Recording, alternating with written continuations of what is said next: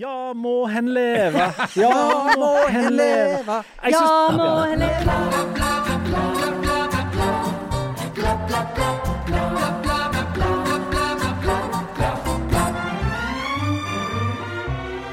Endelig er det høstferie, unntatt på Østlandet, da, for de klarer jo alle å treffe rett uke. Vi har eh, tips til hva du skal finne på. Eh, Jeg skal slå et slag for Norges mest undertrykte befolkning, nemlig B-menneskene. Og endelig får vi en oppdatering fra synkehullet til Harald.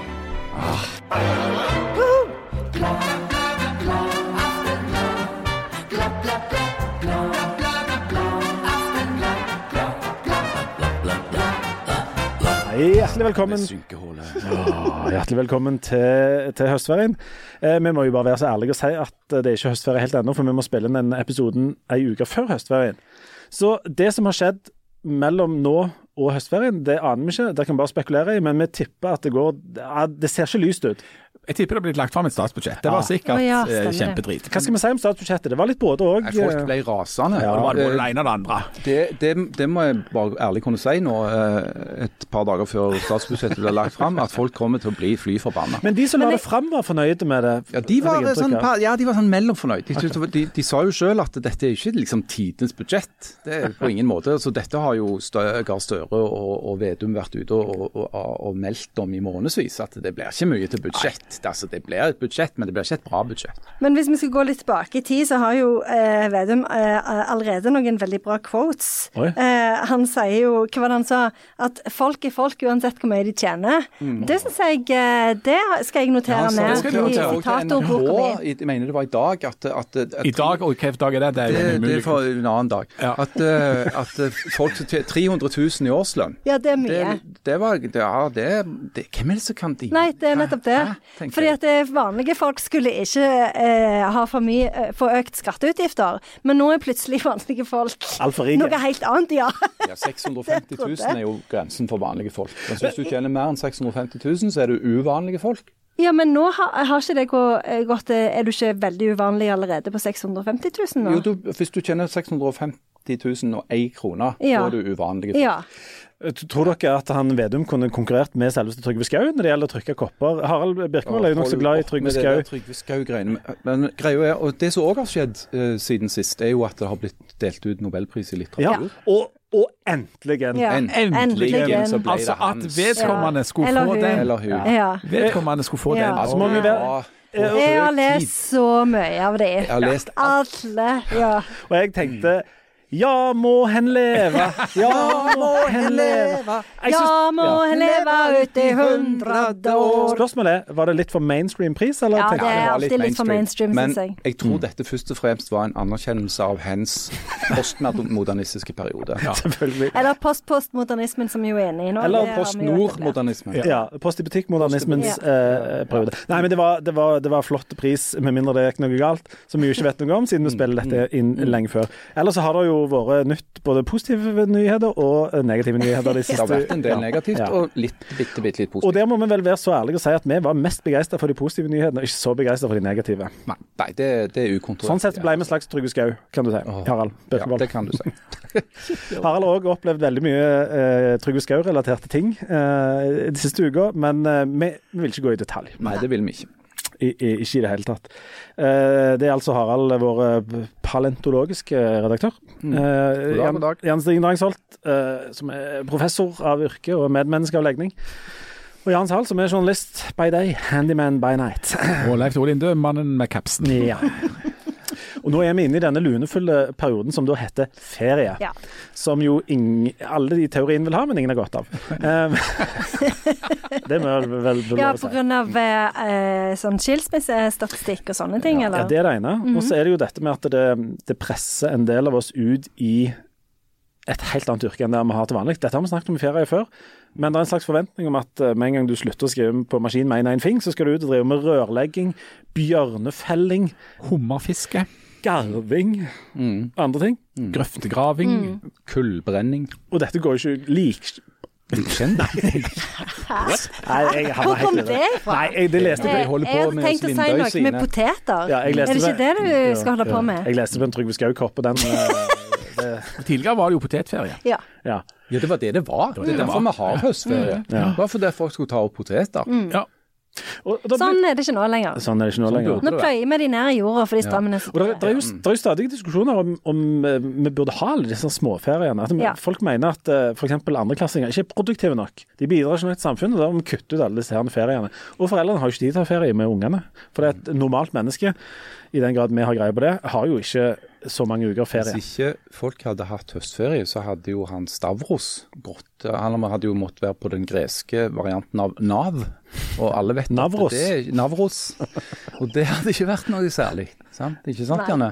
Det hadde ikke det, og det unner jeg ikke Stavros, faktisk. Men det er du, Linde, dette er jo eh, kjepphesten din. Du sa det opp gang på gang på gang, på gang at, eh, at um, unger har altfor mye ferie. Nei, jeg har for lite. Nei, nei, jeg mener at unger har passelig mye ferie, men at voksne med unger har for lite ferie. Ja. Og jeg forstår fremdeles ikke at ingen hopper på den politiske vinnersaken og gir barne... Altså foreldre til unger som er under altså ungdom, I barneskole og ungdomsskole, mer ferie. Men det er jo fordi at den gruppa er jo allerede såpass uglesett, fordi at de hele tiden sier å ja, jeg må ha eh, potetferie fordi at ungene har det. Så de må ha alle de gode feriene, mens eh, så må alle de andre dekke opp for det hele tida. Altså, nå har jo ikke jeg så små unger lenger, men jeg hadde tenkt at det kunne vært greit hvis, hvis det hadde blitt lovfesta rett til å ha ferie uten ungene. Ja, det er jo et godt poeng. Det er jo, det, det er jo strengt tatt det en trenger ferie fra. Men det Ja, trodde jeg med kona òg. Altså at du, for det, at det, det viser seg jo Det står jo litt i, i, i skilsmissestatistikken. Det er jo at hvis du blir tvunget til å tilbringe mye tid med de som du elsker aller høyest, så slutter du med det. Ja, så øker jo sjansen for skilsmisse Ja. og familietragedier med en gang. Ja, men jeg tenker at nå har vi jo vært gjennom covid, så vi har jo fått testa det så greit. Så nå vet vi det allerede. Og det gikk jo kjempegodt. Ja, men vi har liksom blitt herda, tenker jeg. Så Mm. jeg tenker at ferier nå er mye lettere enn de var f.eks. i Mm. 2019. Men det er så rart vet du, tror med det. covid. Altså Covid førte jo til at det ble lagd flere unger. Gjorde det Så, det? ja, ja. Ja. Så, og jeg ser jo for meg at folk drev og så lå sammen på en litt sånn Ikke nødvendigvis En litt sånn gretten måte. dette skal vi ikke snakke mer om nå. Ja, Av ren- av ren er jeg skjær. veldig sliten. Ren og skjær agg. Men jeg tror ikke, men jeg tror ikke skilsmissestatistikken går opp akkurat i høstferien. At den Nei, det tror ikke jeg, for den er så kort. den er så kort, og så kommer man inn i en voldsom sånn eh, arbeidsintensiv periode. Og Det som Ja. jo er svakheten med det, denne løse fridagene, er at de er jo alle spredt rundt i, i, i liksom første halvdel, eller liksom sånn vårhalvåret. Så du hadde jo risikert uten potetferie eller høstferie, så hadde du risikert at folk jobbet i flere måneder i strekk uten en eneste fridag. Ja, det er helt sant. Og så er det jo eh, ofte sånn med høstferien at den er gjerne litt sånn at den deler den. i- Til og med når man har små barn, da, at den deler en mellom seg. Så jeg er enig i at jeg tror ikke skilsmissestatistikken blir så påvirket. Ja, for det er også sitter mye og lengter etter liksom revolusjonen. Ja, du. Ja, lu, ja. Ja. Lurer Du er på, helt altså, alene om hva, det. hva er det liksom som skal få folk ut i gatene sant? for å gjøre, altså endelig liksom manne seg opp til å gjøre opprør? Og jeg tror at forslaget om å forby å ha fri på inneklemte dager, Ja, det, da tror jeg også det blir revolusjon. det kunne vært en sånn Ja. Det er jo ikke en eneste inneklemte dag hele høsten. Nei, det er et, et utrolig stort problem. Men altså, inneklemte dager er Eh, jo et, et vårfenomen i dette landet. Ja, ja. Det er da Ja. de kommer, vet Men jeg, jeg skjønner ikke hvorfor, når det er så mørkt og så eh, Drit. Vått, ja, og så drit på, Altså, alle vis. For, ja. Neste vår, 17. mai, en onsdag, dagen etterpå, himmelspretten, inneklemt fredag. Er det? Aha. Men det, da, nå skal jeg ikke bestille ferie. da bør du jo egentlig kompenseres, for det at du, da går du glipp av en potensiell innestengte dag ja, i den denne uka når, eh, når det havner på likt. Men, ja. men vi- vi lider jo av dette. I, det er en svakhet med det norske systemet når det gjelder fridager, at vi ikke driver med helgener og sånt. For hvis vi hadde hatt det i tillegg, så kunne vi jo fått en haug med inneklemte dager Ja. i høsten. Altså Hvis vi hadde hatt en sånn Sankt Helenas dag eller noe, en Eller. Sankt Svithus dag, det er jo Stavangers byhelgen. Ja. Hvorfor har ikke vi det? I, i, Ubrukelige politikere. I Japan så har de jo veldig korte sommerferie, så der har de jo enormt mye sånn helligdager. Men siden de ikke har noen helgener de heller, så har de mye sånn rare, tilfeldige dager. Sånn Dokkenes dag, De gamle sin dag. Det er liksom veldig mye sånn tilfeldige Finns dager. dette? Så fordi de har veldig mange sånn enkeltstående fridager, sånn at de skal på en måte ikke kjøre befolkningen helt i grøfta fordi de har liksom tre dager sommerferie. Men jeg tror, ja, ja. De kjører jo ganske hardt der borte i arbeidslivet allerede. Ja. Ja, de gjør jo det. Så at de, hvis det ikke hadde vært for de der inneklemte dagene, så hadde det jo bare vært eh, kollaps. Vi bruker jo høstferien sånn som øvrig hvit middelklasse skal gjøre, nemlig eh, spre oss rundt på diverse Harald, du isolerer deg sikkert i, i dette fortet ditt i Suldal. Ja, hadde det vært så vel. Altså, hvis jeg klarer Skal du ikke det? Ja, altså, jeg har jo planer om å kanskje klare å pigge av én dag. Eh, men men uh, dessverre, akkurat nå så klarer jeg ikke å ta så mye fritt som jeg skulle ha ønsket meg. Er det fordi du har så høy lønn? Ja, det, det, det må jo ha noe med det å gjøre. Jeg reiser på hytta i en, en, en ganske En slags lyst. Jøss. Ja, ja. Er for jeg, jeg skal ikke ned og gjøre noe. Eh, Og det tror du på? Ja. At du skal komme ut av dette uten å ha gjort noe? Nei. Men hun setter deg vel i arbeid, hun sjøl? Jeg blir nok satt til å gjøre litt, grann, ja. bare, bare liksom vele om litt, ordne litt grann sånt. Men vi, vi skal i hvert fall ned der. og Men er det ikke litt mindre å gjøre på høsten? Altså at det liksom været gjør at det ikke er så travelt eh, med jobbing Og det er alltid noe å gjøre. Er det Å, det? det er alltid noe å gjøre. Du kan gå ut og flytte noe staur og flytte Flytter du en stein fra et sted til et annet? for eksempel. Og så flytter tilbake. jeg jo opp til. Suldal for eksempel for, som jeg sier da hjemme, eh, å gjøre klar til vinteren. Ja. Som er kodespråk for jeg skal drikke, sier fjernsyn. Jeg har ikke, jeg har ikke fjernsyn. Jeg skal bare drikke. Som om det ble bedre. bare sitte der og drikke. Jeg skal drikke og skyte ting gjennom ruta Ja. Nei, altså, ja, men det er jo sånn der oppe så blir det jo mange meter med snø og kaldt og jæklig, så du må liksom eh, tappe ut vann av ting som kan fryse. og- Jeg hører du gjør samme talen som du gjør hjemme. Pakke inn, pakke inn ting i dyner, så det ikke båndfryser. Sånne ting. Hermetikken. Og trekke sånne gamle raggsokker ut på alle hermetikkboksene. Dek, må du dekke til sånn Trygve Skau-kopper og sånne ting? Ja, sånn ja, at ja, for de tåler jo ikke frost. Han er jo sånn ei pingle, han der skau. De bånd- Det er lagd de liksom båndfryser de koppene. Takk. Veik keramikk. Sånn inspirerende sitater på. Men dere to andre, da, hva skal dere gjøre i, i høstferien? Dere flyr høyt lavt, regner jeg med? Skal ut og oppleve noe? Uh, jeg skal uh, først en liten tur til London. Ja, bare hell i det. Bare Bare i det. en liten uh, runde for å se noe teater. Men det er vel litt sånn i, i, litt før høstferien til Ja, men det er før, og litt inn i eh, altså første høstferie i helga. Så jeg skal reise til London på stipend og se teater. Folk har bare prøvd å ha den Knallhard. knallharde jobben. Og så skal jeg en tur til uh, hytta uh, i halve Østveien, og skal jobbe halve Østveien. Og gjerne du skal lide deg gjennom Skal du ha sånn Har du noen sånn timer på sånn suppekjøkken noen plass, eller Shut up! Skal vi inn i er som dugnad? Nei, jeg skal jo det vanlige. Ja, hva er det til vanlige? Ja. Jeg skal til Stavros. Skal du til Stavros? Og nå begynte jeg nesten å grine når jeg kikket, for jeg måtte jo sjekke de der eh, Hva er reglene nå? Ja. Er det noe Er det regler? Og så sto det på de greske myndighetenes eh, innreiseside Du kan fylle ut innreiseskjema, men det er frivillig. Og da måtte jeg bare danse for meg sjøl. Da ble jeg så glad. Men er det Stavros som skal få gleden av ditt nærvær nå igjen? Ja, selvfølgelig. For det er jo det, det, er jo det som er høstferie. Men jeg han liker du jo egentlig ikke det. Nei, for du mente jo at, han var, at det var litt sånn uavklart i i det forholdet, og at det var kanskje ikke så vennlig. Ja, jeg vet ikke om det er helt uavklart. Jeg tror at han bare ikke liker meg. Oh, ja. eh, men eh, jeg skal egle meg innpå han som vanlig, og se hvordan det går. Stavros er, er jo altså din Dette har vi snakket om i ganske mange ganger, men det er ganske lenge siden. Det, det er din faste kontakt på det greske fastlandet, på en plass som du ikke kan si hvor er, i tilfelle noen andre overtar Stavros. Ja. Ikke sant? Eh, og Stavros har jo òg en sønn som heter Petros. Klart han heter det. Eh, og eh, han eh, så vi ikke så mye til i fjor. Mm. Eh, men den som vi traff i fjor, var jo Roger. Som dere husker sikkert at jeg Ja, var ganske han- god venn med. Den mystiske Han er briten. Ja. ja. Eh, og han, eh, han kjente jo han eh, Kazuo Ishiguro, som han bare kalte for Ishi. Mm. Så jeg er litt spent på hvem som dukker opp der i år. Eh, fordi at eh, Er Roger der samme uka? Jeg vet ikke. Det er jo en sånn norsk jazzfestival der nede eh, på høsten. Men den pleier alltid være ei uke før vi kommer ned. Men kan du sjekke om det stemmer det der med at Stavros har en arbeidsledig bror som heter Navros? ja, det skal jeg spørre om. Så har han en, eh, en eh, onkel som en, som er veldig god å stå i mål på eh, fotballspiller. Han heter Frode Grodos. Uff, unnskyld. Du finner veien ut sjøl.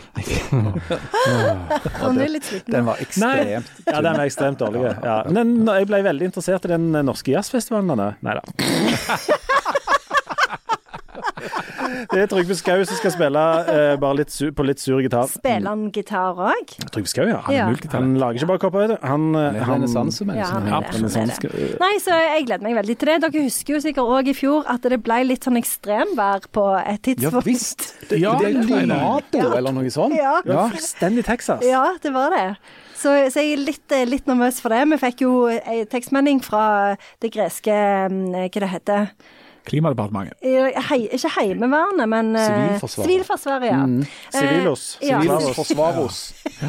Gyros. Så, så, så jeg er spent. Jeg er spent. Jeg er sikker på Jeg har, har sikkert med meg noen gode historier. Ja, ja, ja. Og vi, regner med at det blir Kommer du til å sende postkort hjem? Er du sånn som sender postkort? Fordi at Nei, det er ikke nå lenger. Nå er det jo så vanskelig å få tak i sånne ting. Men eh, det, eh, hvis jeg får tak i et postkort, skal jeg sende til Aftenbladet Det var- Vi fikk jo masse Før fikk postkort vi en periode. postkort. Kom jeg Hva på har skjedd med det? Aftenbladblad, postboks 229, 4001 Stavanger. Og vi, og vi oppfordrer folk til å sende oss postkort. Nei, men vi oppfordrer deg til å bruke moderne teknologi og sende oss e-post. ja, Ja. ja. Du kan òg sende oss et e-post postkort fra høstferien din. Da kan du sende det til bladbladet i ett ord, at aftenblad.no. ja. Jeg så eh, på eh, i Aftenbladet eh, at eh, det er ikke på nivå med 2019 med reising i høstferien. Ikke det? 15% mindre. Og Det er jo ikke så rart. for at Jeg vet ikke om denne høstferiepodkasten åpner for noe som kan ligne på noe som har med aktualitet og samfunn og politikk og sånn å gjøre. Ja, for det at uh, i dag, altså en annen dag enn i dag, men før, så kom DNB, den store norske banken, DNB, kom med en sånn der uh, analyse av den økonomiske situasjonen. Og den er ikke spesielt lystelig lesning. Altså, Det er jo ikke bare norske bedrifter som eh, bekymrer seg for framtiden. Det gjør jammen Ola og Kari òg nå etter hvert. Eh, fordi at nå begynner liksom effekten av disse forskjellige eh, elendighetene å slå inn. Altså Renta er på vei rett til værs. Eh, strømprisene og matprisene og bensinprisene og alle prisene øker. Nobel, Nobelprisen, Nobelprisen, Den øker jo noen alt, alt øker. Polprisene. Endelig. Og det gjør at folk begynner rett og slett nå å holde litt igjen. Så det merker du nå på sånne ting som eh, reiselysten og altså innkjøp av forbruksvarer. Eh, det har jo allerede vært veldig tydelig på hyttesalget, som har stagnert mer eller mindre mange steder. Eh, ikke løy det, sant. Når folk vet at eh, å kjøpe seg en hytte, da pådrar du deg en månedlig strømregning på en 20 000-30 000. Eh, sånn at det er mye som bremser opp nå. Og da er det ikke, det er ikke spesielt til å undres over at folk kanskje da tenker at han Stavros han får heller gå på Nav, da. Men nå er jo heldigvis Janne såpass enormt rik at der betyr det jo ingenting. Jeg er jo ikke det nå lenger, for nå er jeg jo eh, Nå når eh, Vedum driver og redefinerer hva som er vanlige folk, så er det jo ingen som har noe spesielt mye penger Er du, lenger. er du sånn drakmemillionær? Jeg vet ikke om det er Nei, det er jo euro. Det er euro. Euro? Ja. Ja, jeg har ikke hatt råd til til slapp de inn i euroen. Det burde de jo aldri gjort. Nei, ikke sant. Kjempetabbe. Men eh, hvordan er det med Altså, har du vurdert å reise til Sveits, Janne? Altså flytte til Sveits? Ja, da måtte det i hvert fall være den der eh, kantonen som I du Ja, som Ja. du liker. For der, der, En annen fun fact om Appensell det er at der spiser de faktisk hund. Altså som mat, middagsmat. Har, har du lært deg nye sånne kantoner siden sist? Eh, Bare for å spørre om det. Nei, nå kan jeg to, da. Okay. Og det var Appenzell og Og Sjur. Sjur. Ja, det er sønnen din, og det, er det, det står jeg 100% fast på. at Du kan ikke bare nevne ungene dine. Den Men- østerrikske forfatteren Thomas Berner har Nei, skrevet mye nei, fint nei, om nei, nei, nei. Sjur. Altså veldig nedsettende ting. Du, en ting som jeg har merka konkret, at det er dårligere tider på. Ja. Eh, For det er òg en sånn en sesongaktivitet som er midt inni nå. Det er at nå er det det som vi eh, fremdeles kaller for dugnad der ute. Som jo ikke er minnet om det som var dugnad før. Tidligere var jo dugnad Du tok med deg ei spade og ei rive, og så møtte du opp på plass, og så holdt du på ei stund, og så fikk idrettslaget noen penger til noe. Det som jo er dugnad nå, det er jo at foreldre må selge all slags rape for ungene sine på Facebook, og det kommer i sånne bolker, særlig på høsten, for det er da panikken til klasseturene, russegreiene og idrettslag og sånn kommer. Og nå er det enormt med sånn dugnadssalg. Jeg har nå så mye dasspapir og tørkeruller og sånne jævla bambussokker at det ser ut som sånn beredskapslager nede hos meg. Og det er min teori. At dette, altså Forretningsideen til disse her kanaljene som står bak det, det, det, Jeg tror til og med de kaller seg for noe sånn som AS Dugnadsprodukter, eller noe i den duren.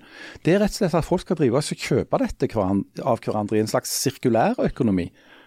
Sånn? Altså, ja, du kjøpte dassruller og, og 5000 pakker med bambussokker av meg. Nå, skal, nå er det omvendt. Ja. Nå er det din tur. Nå, så da, da må du kjøpe syltetøy og sånne jeg holder på å si, takk for maten-lapper. Det jo ikke det sånn til og fra-lapper eller sånne ting av meg. Mm. Og så, det, og så holder dette systemet holder oss jo som sånne samvittighetsfanger.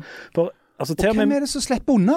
De der jækla ungene. De som, Før så måtte vi gå ut på gaten og selge lodd. ja, til, Gjerne til tyskerne. Ja.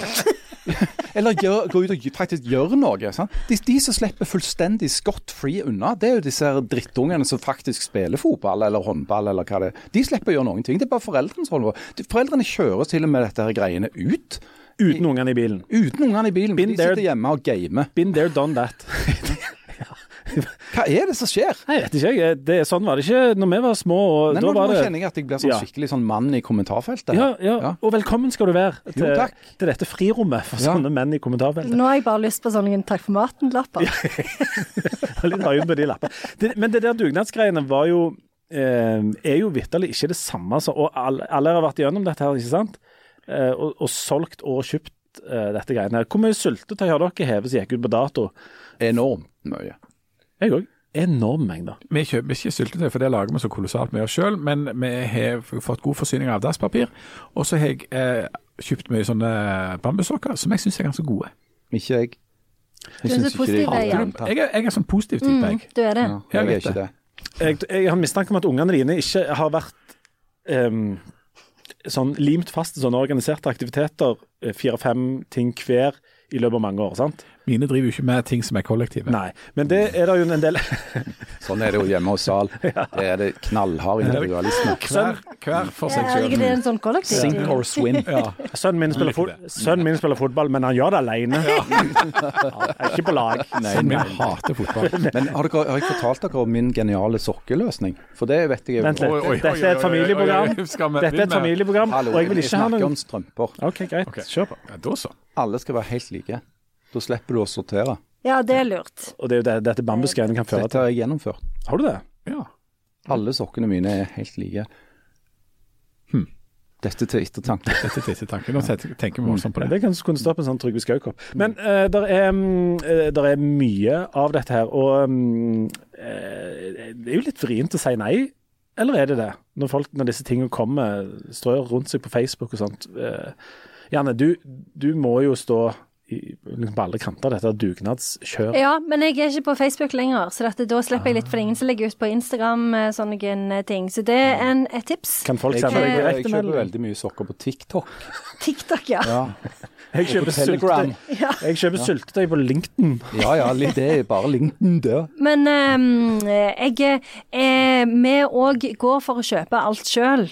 Eh, sånn at, det- sånn at det- jeg slipper å kjøpe fra noen andre. Så vi òg har jo et sånn lite beredskapslager på vaskerommet med en million mikrofiberkluter. Mm. Så jeg prøvde å sende med hun eldste når hun skulle flytte til Bergen. Prøvde jeg å sende med noen esker med mikrofiberkluter, men hun ville ikke ha det, hun heller. Og så kjørte vi rundt i et år med sånn 10 000 Sandnes Ulf Mm. sånn det er jo det som er kalender. ironien her. Sant? Du, du har, du har dassruller nok til en middels stor landsby. Mm. Men hva hjelper det når du sitter der i andre etasje på tronen, og det ikke er så mye som en centimeter på den der holderen? Det hjelper jo ingenting. De kunne jo like så godt vært i en annen bydel. Men hvis folk er interessert i, i den der Sandnes Ulf-kalenderen for, for 2007-2008, kan dere ta kontakt direkte med Janne på Instagram. Men det dere kan gjøre, er at dere kan gå på uh, Spotify og spille sangen 'Fire paller dopapir' av Jørgen Kjemsland. Det er en veldig flott sang som handler om akkurat dette. Men hvorfor er det ingen som selger ting på dugnad som du faktisk vil ha? Jeg vil ha de sokkene. Sprit, f.eks. Eller altså ting du trenger. Ammunisjon. Altså, hvorfor, hvorfor er det bare Gode spørsmål, Ja. eh, Altså, ting du har lyst på. og ammunisjon. Trykk med skaukopper Altså, Skau-kopper, ting, ja. som du, ting som du kunne tenke seg å liksom ha For det at alle har jo nå Altså alle voksne personer som har barn i organisert idrett, har allerede mye mer dasspapir og tørkeruller enn de noen gang kommer til å ha bruk for. Sannsynligvis. Allerede i kjelleren eller i garasjen. Hvorfor er det ingen som tar, tenker nytt? Hva, hva, vil, hva vil folk ha nå? Men jeg føler at det som du eh, skisserer nå, er jo mer sånn dugnad etter zombieapokalypsen. Eller midt, Ammunisjon, økser Sprit. ja, Eller midt i- sprit, midt i- de tingene der. midt i borgerkrigen. Ja, vi har denne fine Ja, men jeg tenker ting som du kunne Jeg må altså, selge ti liksom, sånne. Og ønske deg, da. Ikke sant? Altså, nå har vi liksom kjempetilbud på ikke jeg, eh, noise reducting uh, hovedtel, sånne eh, øretelefoner eller sant? Et eller annet. Eller en sånn, en, eh, sånn eh, spreng... Inne-ute-termometer. Ja. Ja. Spreng en strategisk viktig bro-kit. Ja, det, Ja, det kommer ut i en sånn krigssituasjon. Jeg tror Den lille terrorist. Startkit. Nei, nei, nei. nei, nei, nei. Nå, nå må vi over på neste emne. Men det er jo òg begrensa hvor, hvor dårlig i magen en familie kan være for å få, for å få gang, altså for å bli kvitt dette her med Mm. dopapir. Men jeg mener jo helt alvorlig at det er et problem, for, fordi at eh, dette er, for det første er det en sånn skjult betaling for å være med på ting. sant? Det er jo det. Og så er det eh, En ting er for oss som har eh, grei råd og god, eh, altså stor omgangskrets og nettverk og sånt, men for de som ikke har det Hvis du flytter til f.eks. Verdeneset og skal være med i fotballen der, og plutselig må selge 20 pakker sånn dasspapir og ikke kjenne en kjeft Nei, Da gjør du jo sånn som alle gjør, du selger det til søster di i Dananger. Ikke sant? Og til foreldrene dine, jeg vet ikke, foreldrene mine stakkars, jeg vet ikke hvor mye de, altså, de har jo snart ikke plass til alle møblene sine pga. alle dassrullene de har kjøpt av slekt og venner. Ikke sant? For de har jo ikke lyst til å si nei. Nei. Det er greie. Pluss at det, det er jo ikke Det er jo ganske miljøuvennlig òg. Eh, Og eh, sånn som den der eh, kalenderen fra Sandnes Ulf, det var jo sånn glossy papir.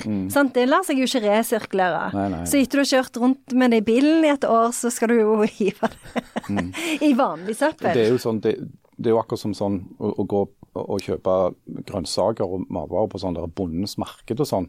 Mm. nært og lokalt det er jo det mest klimafiendtlige du kan finne på. Sa mannen som har sluppet inn fra, fra eh, kommentarfeltene. Nei, men det er jo det. Hvorfor da? Altså, jo, altså, for det at eh, jo, jo mer rasjonelt og stordrift det er, jo mindre utslipp det er det jo per gulrot. Ja. Hvis du går og kjøper den på Meny, så har han blitt, uh, vært gjennom en profesjonell uh, verdikjede der. ikke sant? Mens hvis du tar han der bonden Så nei, som har kjørt inn til byen på traktoren sin, som går på eh, Metan. metan og, og diesel, ikke sant, og har lekt filter. Eh, det kommer, Regnskapet der kommer aldri til å gå opp. ikke sant? Så det er én liter diesel per gulrot du kjøper på Bondens marked. Åh, kan, vi- kan vi snakke om noe positivt snart? For nå er det veldig mye eh, Darkness, ja. Det er darkness, ja. med å leve et, et, etisk riktig liv. Vi har fått et veldig, ja, liker har fått et veldig konkret spørsmål fra eh, i alle fall én lyer, kanskje to, altså en såkalt lytterstorm. Eh, for det som savner en oppdatering for dette synkehullet til Harald. Men hvorfor tar dere det opp nå? Nei, vi kan jo ikke snakke om Trygve Skaukopper det. hver Det er lenge siden, men men det er rett og slett spørsmålet er det noe nytt. Jeg skulle ønske jeg kunne si nei, men det har Det har vært en utvikling. For det at da, altså, Her en dag jeg husker jeg, jeg fortalte om det for en stund, det begynner det er en stund siden. at det, da Plutselig så så jeg ut, og så sto det noen menner der. Husker dere? Ja, jeg husker det. I sånne kommunale klær sånne, så du kan se på lang avstand. Og så sto og så ned i bakken uh, med sånn hoftefeste, sånn kikket ned. Eh, Så tenkte jeg å herregud, nå er det noe på gang. Men, og så gikk jeg ut for å spørre dem, og så, men så hadde de stukket av når jeg kom ut uh, i en bil. Uh, men her en dag så var en, en av de mennene, eller kanskje ikke nødvendigvis en av de, men en annen lignende mann, var tilbake igjen og sto og kikket igjen. Uh, igjen så heiv jeg på meg noen sko og sprang ut for å få tak i vedkommende. Akkurat når jeg kom rundt hjørnet med hekken, føyk han av gårde i en bil. Så det er et eller annet som skjer. Eh, For det at det som Men hvor er det de står og ser? Saken er at nå har synkeholdet har jo flytta seg fra hjørnet av min tomt og ut i gata. Sånn at nå er det jo formelt sett ikke mitt lenger, det tilhører nå Stavanger kommune, Mm. det synkeholdet. Har vi et kommunalt Vi har et kommunalt synkehold, eller et pri offentlig-privat samarbeid om et synkehold, eh, som nå befinner seg på hjørnet av Hanna Statsgate, Orknøygata, hvis noen har lyst til å komme og se. Men hvordan ser det ut, dette synkeholdet, i, i, i, selve gata? Det, det, det, det manifesterer seg da som en innsynkning i eh, asfalten. Mm. Eh, som er helt du- tydelige. Du må være veldig veldig svaksynt for ikke å, å se det. Eh, så jeg, har jo, jeg går jo rundt og tenker at på et eller annet tidspunkt så rauser jo Mm. hele gata ned i en slags apokalyptisk svelg Mm. som fører lukt til helheimen, eller et eller annet sånt. For dette, hele, hele området står jo på en gammel myr, ikke sant. Men, men det som var en dump eller et hull på de tomt, har det retta seg ut? At asfalten er kommet opp igjen og blitt til seg sjøl? Altså, det har blitt skrukket og skeivt i plenen og sånn, men det er liksom selve Litt sånn som deg? Ja. Ja. egentlig. Altså, men selve, selveste liksom, episenteret, kan man kan kalle det det, da, har, har flytta seg øh, så Å ja, vidt så det har faktisk flytta Ja, ja, ja. Jeg har et spørsmål. Er det, Folk tror at jeg finner på det, men det er sant. det er et spørsmål, og dette er jo mer interessant enn vi skulle tro. Det er ikke, hvis du skal flytte et synkehull fra din private tomt ut i vei, må du søke kommunen da, om å flytte synkehull ut på kommunal mark? Det er sikkert et skjema som du må fylle ut. Men jeg har ikke klart å finne Men du har, ikke, du har ikke søkt? Altså Nå har jo dette synkehullet for, for så vidt flytta seg helt av seg sjøl, uten min hjelp, da. Ja, det sier alle. Mm. I løpet av nat i nattens mulm og mørke så flytter synkeholdet seg ut der. Jeg har ikke så tro på det. Så på beleilig vis er det ikke Ja. lenger mitt problem. Nemlig. Ikke sant? Men ja, nei, jeg jeg kanskje vet ikke hva jeg skal si til det. Altså, det er bare, dette er ting som bare skjer med meg og mitt liv. Dette er såpass eh, sterke inntrykk at vi må ha en liten pause for å fordøye det. Så vi er snart tilbake med mer nyttig informasjon om dette. Og Åh, hjertelig velkommen tilbake. Eh, Dette informasjonsprogrammet om følte- ting du trenger vite. Jeg føler denne podkastepisoden er litt sånn som når du lagde radio. Tok det opp på kassett. Så, Ja. Hallo, dette er Siljes radio. Eh, I dag har vi en gjest, ja. Jan.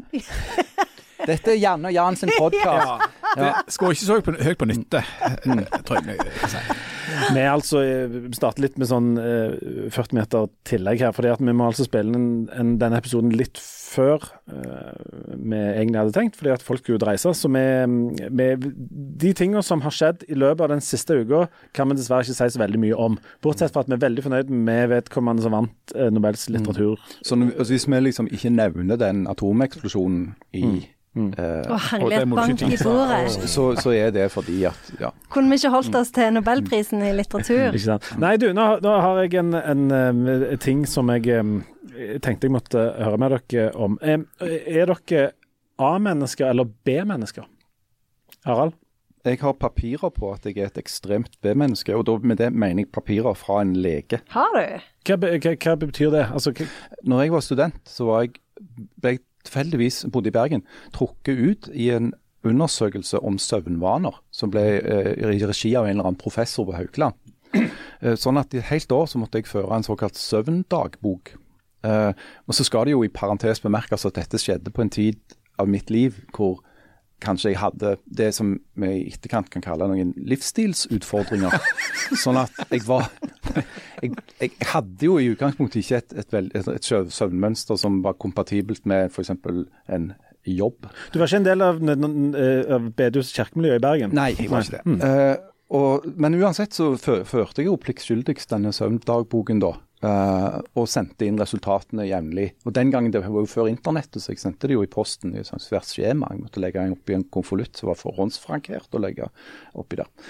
Og så til slutt så ringte han meg, han knallen, professoren. For det at det var et såpass sjeldent tilfelle han ville ha meg inn til en liten, en liten sånn samtale, da. Ja. Bekymrings... Var, var, var det var PST inne? Han var svenske, han her karen. Så, så han var jo høf, Svensker er jo veldig høflige, det er jo Nordens tyskere. Så han, han, men han, det var helt tydelig at han, han ville ha meg inn bare for å satt, si, ha sett meg, da. Mm. for det at han lurte på Dette var noe han aldri hadde sett magen til. Så, sa han- så sa han det at du er et ekstremt B-menneske. Men få høre, da. Hva, liksom, hva gikk det ut på? Nei, det var jo at jeg var våken om natten og så om dagen, da. Ja. Og tilsynelatende uh, levde greit med det. Eh, men det skal sies at det er, merker jeg da veldig stor forskjell på å være seg 23 og 55. For det at nå har jeg jo veldig mye mindre problemer med å stå opp om morgenen enn jeg hadde da. Gjerne Uh, A-menneske eller Jeg B-menneske? tror nok at jeg er et A-menneske. Men jeg er ikke sånn ehm, jeg føler, uh, Når du sier A-menneske, så har du liksom sånn press for å stå opp så sykt tidlig. Sånn jeg har lest at David Bowie alltid sto opp klokka seks, f.eks. Jeg er jo ikke sånn A-menneske. Jeg er jo ikke sånn flinkt A-menneske. Men jeg liker å stå opp tidlig og legge meg tidlig. Jan? Jeg tror at jeg var et slags B-menneske, eller et normalt menneske. Og så har jeg, altså, har alderen tvunget på meg at jeg er blitt et slags A-menneske mot min vilje. For du har vel det verste av A og verste av B-kombinasjonen? ja, at jeg ikke sovner og, og ikke klarer å sove lenge. Eh, Det er jo en eh, veldig ring kombinasjon. det er at du er et C-menneske, kanskje? Ja, kanskje C- ikke eller D-menneske. For du skal jo alltid være så spesiell. Du kan liksom ikke være A eller B. Ja, ja, ja, nei, jeg er det bare, jeg. Nei, altså, altså jeg, jeg, jeg, jeg, Nihilist. jeg er nihilist og, og, og og. C-menneske. Ja. en nihilistiske sover. Ja. Jeg skulle ønske at jeg, at jeg uh, klarte å være eller jeg vet ikke hva jeg skulle ønske. Jo, jeg skulle ønske at jeg klarte å sove lenge, men det har jeg jo bare blitt elendig på. Det fører til at jeg våkner altfor tidlig stort sett hele tida. Men du gjorde det før. Ja, før så kunne jeg jo sove lenge, sånn, så, så på en ungdomsaktig måte. Nei, jeg har eh, ikke papirer sånn som du har, Harald, men jeg har eh, forklart eh, I forbindelse med en sak jeg skrev om soving, så ble, så ble jeg sittende og snakke med en sånn søvnekspert. Og så spurte han ja, du da?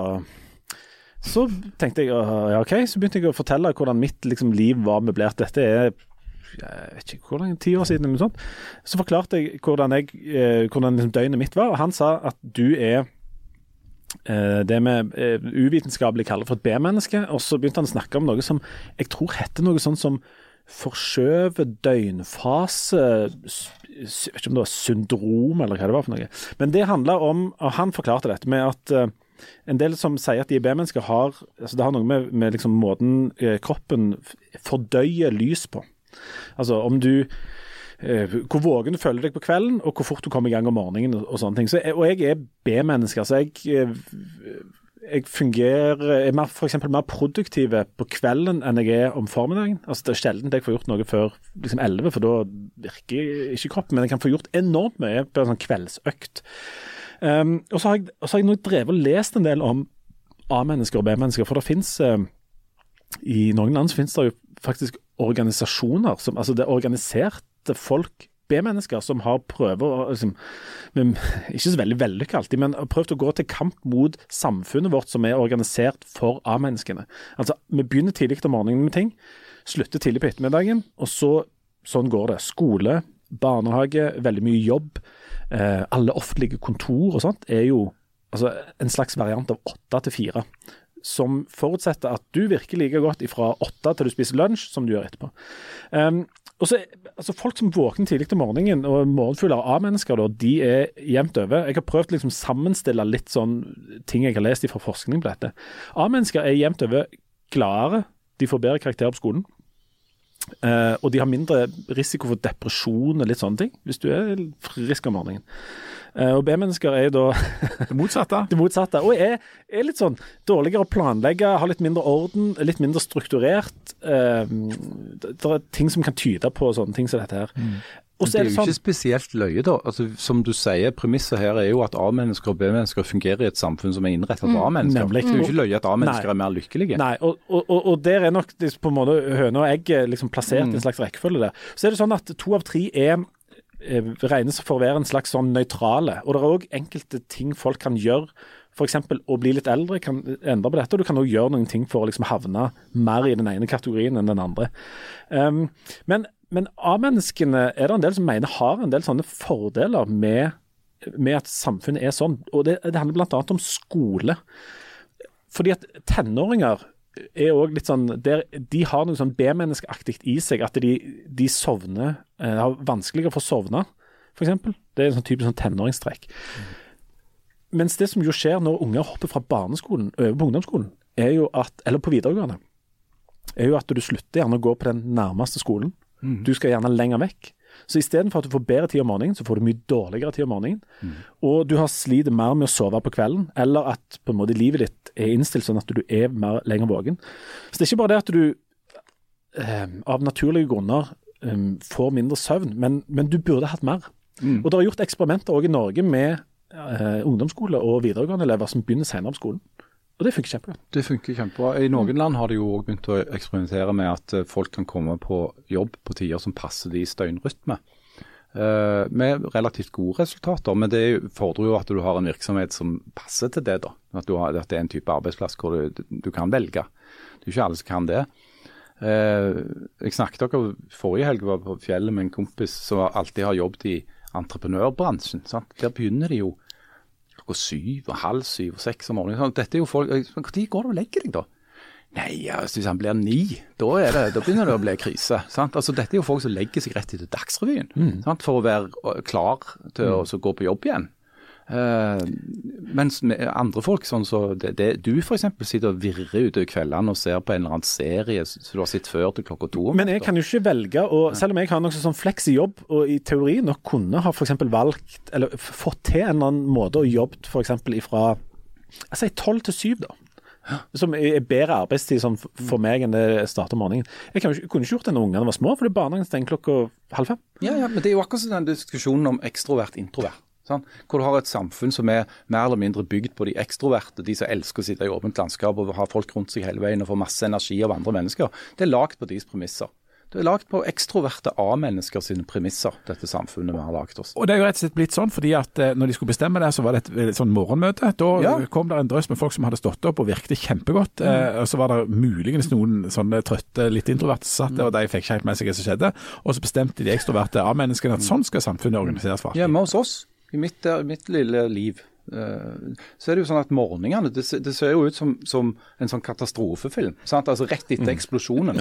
Sant? Når folk bare sjokker rundt liksom, der sjokkskader og ikke klarer å Og har kjøpt noe. mye sprit på dugnad. Ja, sånn, sånn ser det ut. Sant? For folk er jo ikke i stand til å ytre seg i annet enn sånn der gryntelyder og sånn dødsralling før de har fått minst to kopper kaffe. Og sant? ingen må snakke med hverandre. Ingen må sant? snakke, de må helst ikke møte blikket Nei. til hverandre. Sant? Sånn er det det foregår i mange For i, i familien vår òg er det altså Jeg er jo ikke alene. Sånn er det jo for alle hos oss. Um, og, og så jeg, jeg er ingen tilhenger av at liksom, hele samfunnet til enhver tid må drive og tilpasse seg all slags grupper av løkruller, enten de er liksom B-mennesker eller eh, konservativt kristne eller høye eller lave eller tjukke eller tynne. sånn. Altså, jeg mener jo at folk altså, Vi kan ikke tilpasse til alle. Men eh, det som viser seg med A- og B-mennesker, da, det er jo at eh, det er ganske mye potensial altså Det er en del ting vi kunne tjent på å stille oss om til B på en del ting. F.eks. ungdomsskole og videregående.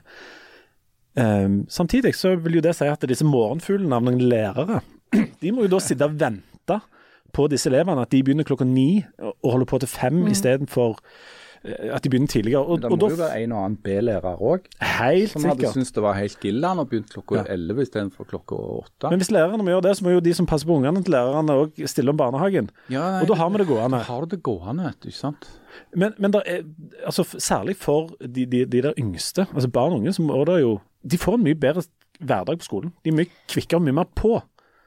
Studentene dine Janne, er de fit for fight klokka kvart over sju når du begynner Det har ingenting å si for meg om de er fit for fight eller ikke. Det driter du i. Det har du ja. universitetet i et nøtteskall. Mm. Det vil det jeg Dere er her for meg. Men poenget er jo at du kan jo ikke du, Det er jo Altså, eh, en har jo en sånn følelse av at det er eh, En må liksom finne ut hvor mye frihet en kan gi til folk før folk begynner å tenke sjøl. For det er jo de ideologiske statsapparatene som, som er inn, gjør at vi er indoktrinert i tanken om at vi skal gå på jobb og gå på skole i det hele tatt. Så hvis du klusser for mye med dette systemet, så begynner jo folk å tenke sånn ja, men kanskje jeg ikke trenger å jobbe så mye.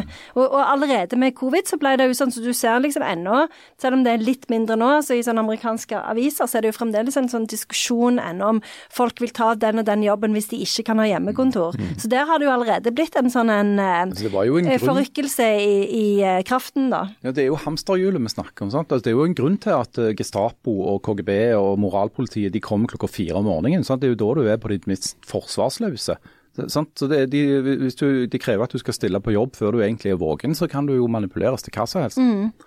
Men, men eh, er, det, er det for drøyt for folk å kreve at eh, en del ting Altså hvis du er en sånn ordentlig, ordentlig B-menneske, og f.eks. er norske, En av de norske kvalitetene i tillegg til olje er at vi har en veldig produktiv arbeidsstokk. Vi er, jobber ikke lengst i verden, men vi er enormt produktive. Og f.eks. de av oss, da, ta, ta meg selv som eksempel, som kunne vært mye mer produktive med å jobbe andre tider på døgnet. Det høres jo i utgangspunktet ut som en no-brainer at jeg skal jobbe andre tider av døgnet. Men da er en jo litt inne på den der hjemmekontordiskusjonen. Akkurat det med hjemmekontor er jo ganske interessant, for det frigjør jo eh, eh, tida di på en helt annen måte. og sånn hvis du ser på forskningen, så viser jo det at det, du er mye mer produktiv når du er på hjemmekontor. Eller de som liker å være på hjemmekontor, er mye mer produktive på hjemmekontor enn de er på jobben. Men du mister jo det der psykososiale aspektet, da. Eh, Med Det liksom psykososiale greiene. Ja. Jeg tror ikke de har klart å måle at det er en veldig økning i produktivitet, og det gjør Jo, at men det er det- litt under press.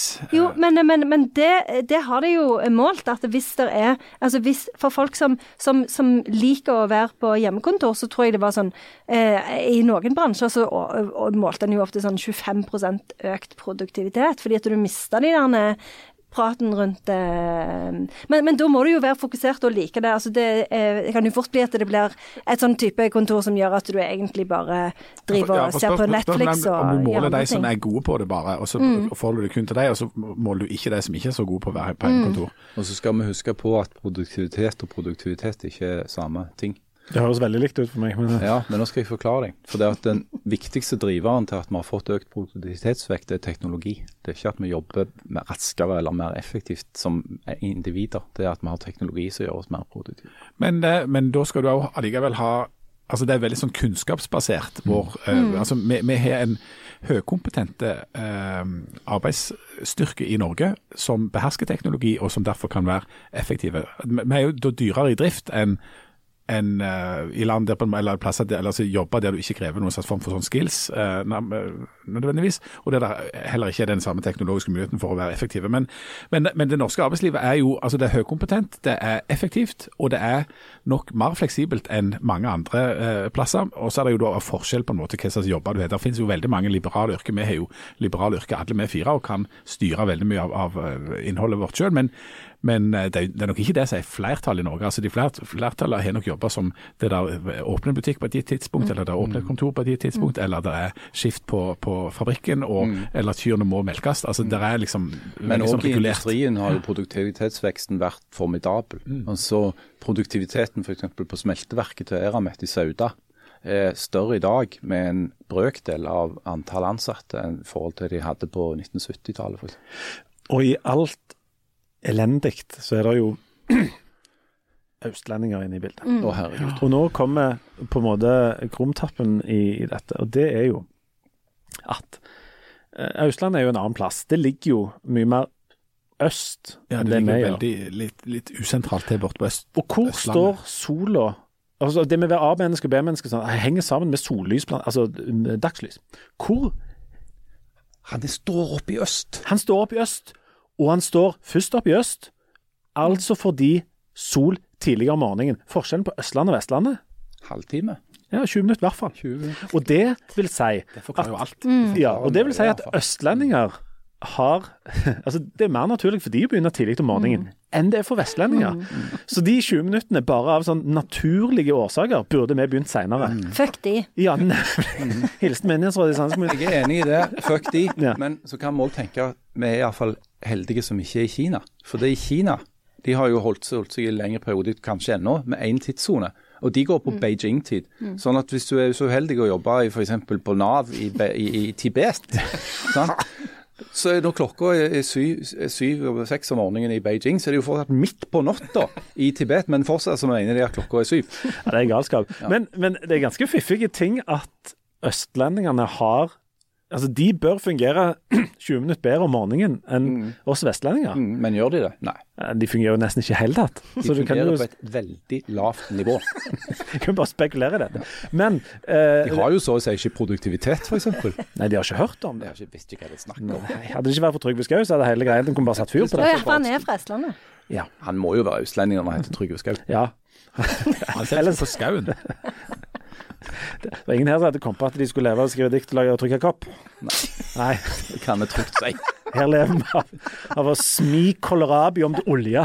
Korrektament. Ja, og pumpe den opp. Ja. Det gjør vi ikke. ikke Kålrabien. Kålrabien. Ja. Vet du hva vi helt har glemt? Vi har glemt eh, Harald sine tre kjedelige minutter. Han hadde jo egentlig dobbelt sist uke, men jeg... bare helt på tampen, er det et eller annet du kunne tenkt deg å snakke om? Noe som passer i høstferien. Ja. Må være hesteferie-relatert. Ja, ja, men Vil dere ha tre kjedelige minutter? Vi vil ikke, men det er noen altså, syke folk der ute som liker det. Og det er jo ikke noe folkekrav om det heller. Nei, men jeg kan alltid dra til med et eller annet interessant og lærerikt. Uh, ja. Vil du ha jingle? Vet du hva, ja, vet, hva vi altså- gjør? Nå skal dere få jingle, skal dere få tre minutter. Og så feider vi ut til høstferien med Harald sitt snakk om Du kan, bare, du kan bare ta et eller annet. Og så uh, takker vi for nå. Ønsker dere god ferie. Snakkes neste uke.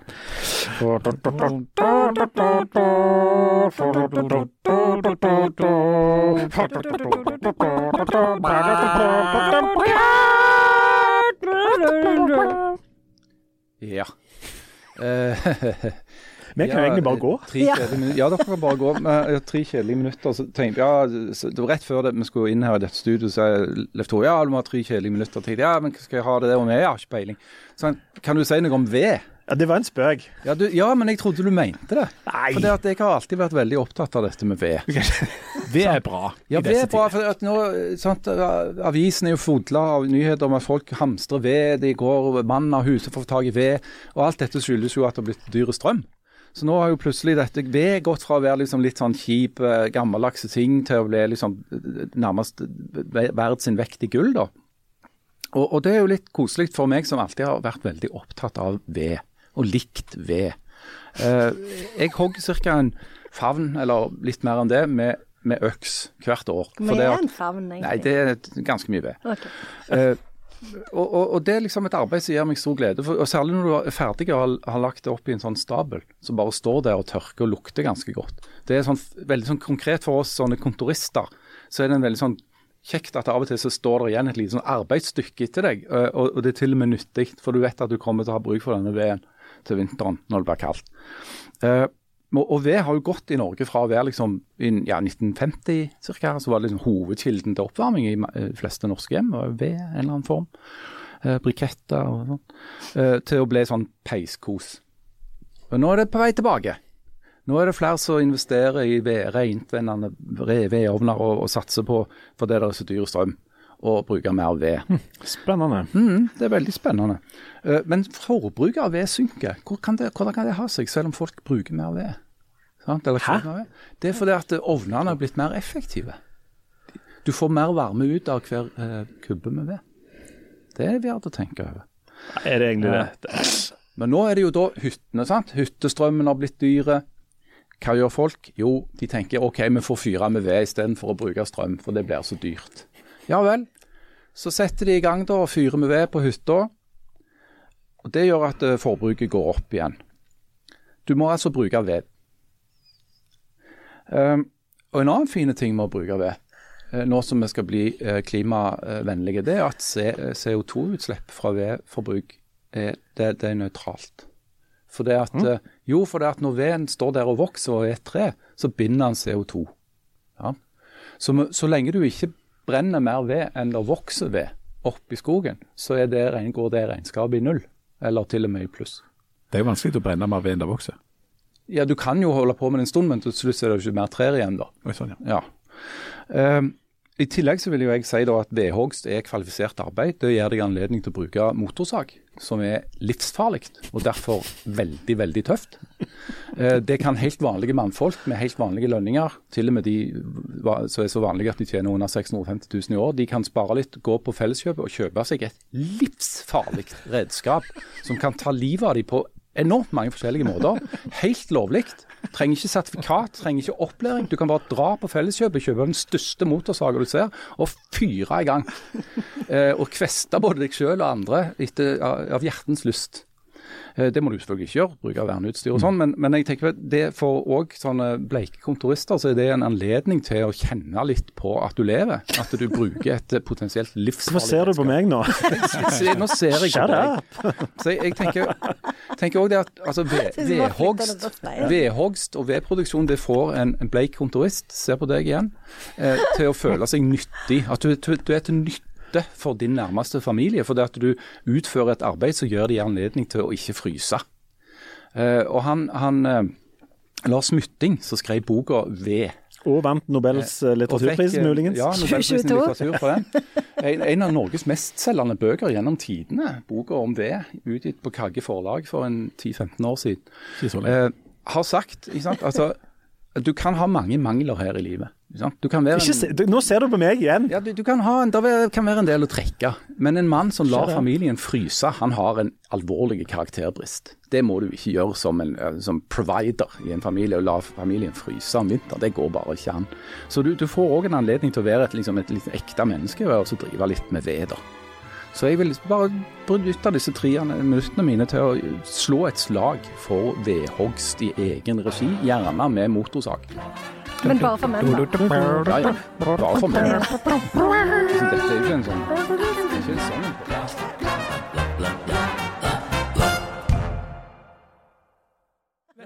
kona mi skal gjøre noe av eh, på, i høstferien? Hogge ved. Ja, Vet du hva altså, far min, skal gjøre for meg i høstferien? Hogge ved. Jeg vet om mange damer som driver på med det, altså. Gjør du det? Ja, ja. Men et spørsmål, hva er, en, hva er det der rent brennende ovn? Hva det betyr? Nei, Det er at han er utstyrt med en sånn katalysator, som gjør at han slipper ut mindre svevestøv og drit og lort. Dessuten så forbrenner han gassene to ganger, og da får du mer varme ut av hver kubbe. Han forbrenner hva? Han forbrenner både oksygenet og utslippsgassen. Altså, men ikke, nå er det ferdig. Nei, fortell inn i mikrofonen. Det er sikkert en der ute som er interessert i dette. Når noe brenner Han som er henger igjen ennå. Altså, hvis du brenner noe avispapir i Ja. da, eller en vedkubbe, så er det jo egentlig en eksplosjon. Det er, korrekt. Ja, ja. Det er en kontrollert eksplosjon. Og det som brenner, er jo ikke selve treet. Nei. Det er de gassene som blir utskilt av treet når det blir varmt opp. Oksygen, blant annet. sant? Ja, forskjellige gasser, branngasser, så- som tar fyr, og som skaper energi. Eh, Og de branngassene er i utgangspunktet fotla forurensning. Eh, Sot og partikler og forskjellige mm, grunnstoffer. Eh, Og Hvis du da får, får varmt opp de nok til at du kan brenne de en gang til i en katalysator eller et ekstra forbrenningskammer, det er en rent brennende ovn, eh, så vil du få mindre forurensning ut av pipa.